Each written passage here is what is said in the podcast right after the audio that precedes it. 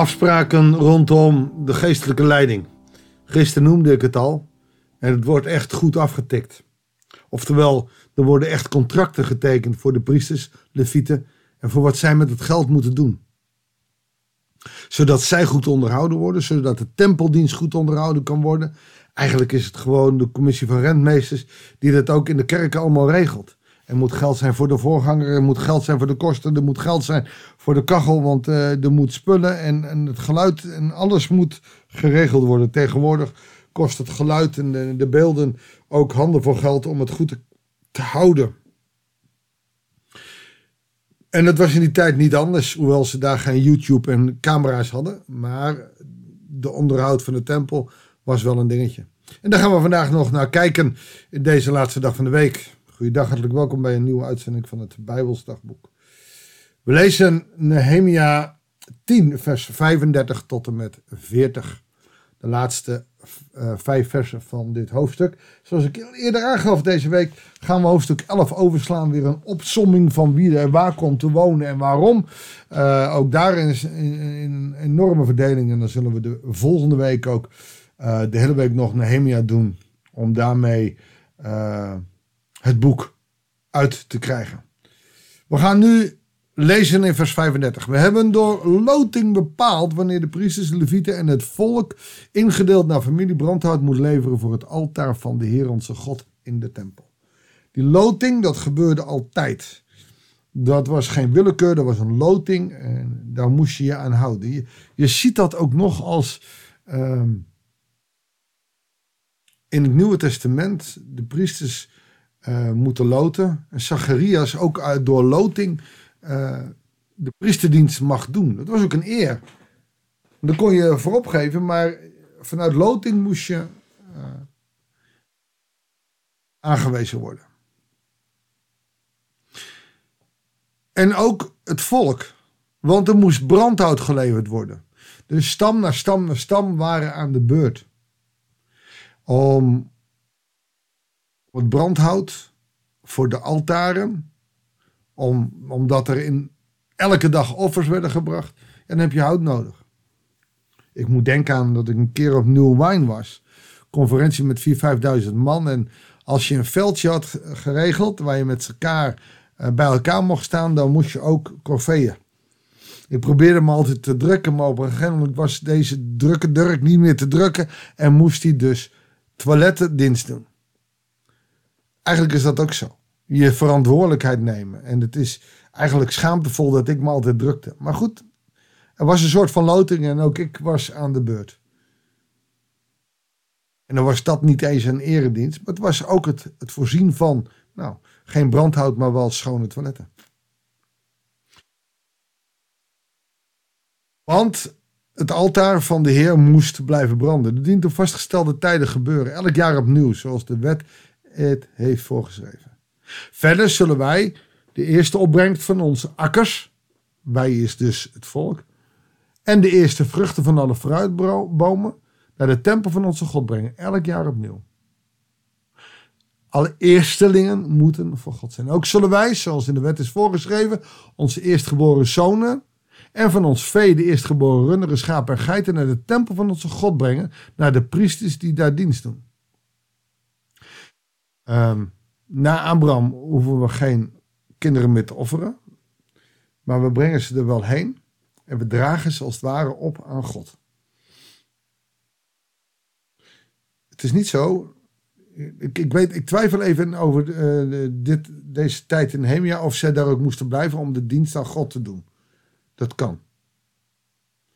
Ook het eerste deeg zullen we naar de priesters brengen. Naar de voorraadkamer van de tempel van onze God. Evenals wat wij moeten afdragen van fruit, boomgaarden, de wijn, de olie. Een tiende van de opbrengst van het land is voor de levieten. Hier heb je het al. Zij mogen zelf in alle gebieden waar we werken tiende heffen. Belasting. Ze zullen daarbij door een priester, een afstammeling van Aaron, worden vergezeld. Zodat er ook uh, legitimatie aan zit. De priester stond boven de levieten.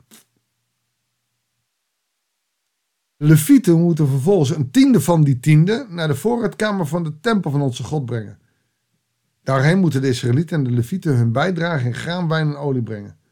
Daar ook bevindt zich het tempelgerij. En daar verblijven de dienstdoende priesters, de poortwachters en de zangers. Nooit zullen wij de tempel van onze God verwaarlozen. En zo zie je dat het hart van Jeruzalem, waar de muren omheen zijn gezet, het hart, de tempel, eerst wordt bevoorraad. Ik blijf het interessant vinden. Jouw hart is het tempel van de Heilige Geest. Als jij wil blijven geloven, zul je je hart moeten leegruimen en moeten zorgen dat de geest erin kan. Want de tempel van God mag je niet verwaarlozen. Dat betekent als jij je hart openzet voor verkeerde dingen en zegt, ach, het moet kunnen, dat je de tempeldienst verwaarloost. En zoals ik al eerder gezegd heb, daarmee verlogen je God. Want als je God verlogent, verlogent God jou ook. En dan levert je over aan de elementen, aan de bevolking of aan, aan je lot. Er zal geen leiding meer zijn, er zal geen zegen meer zijn van de Heer.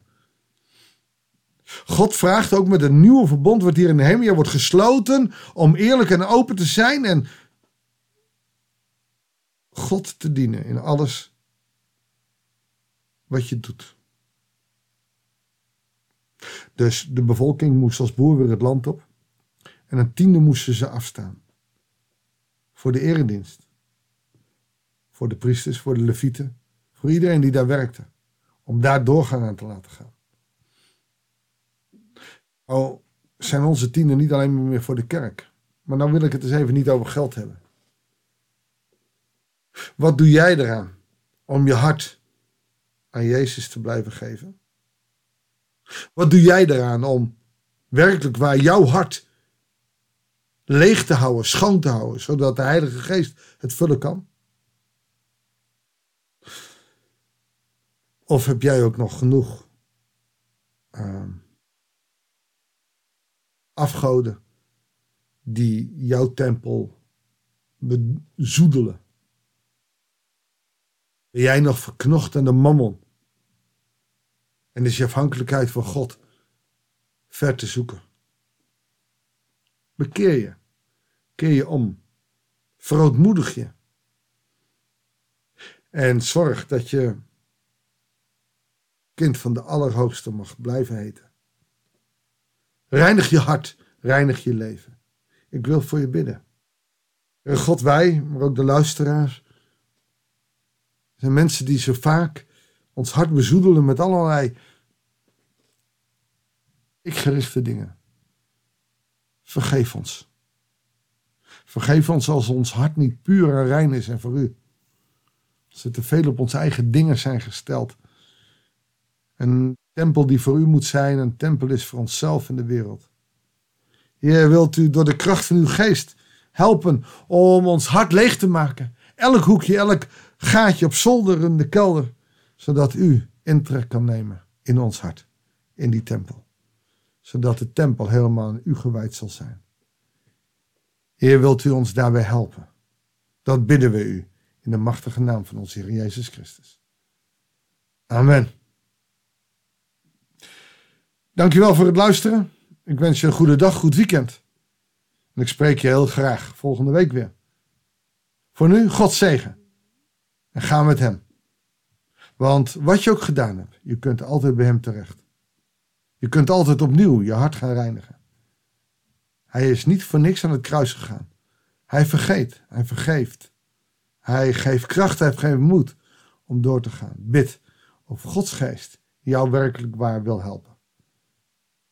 Tot ziens, tot de volgende uitzending.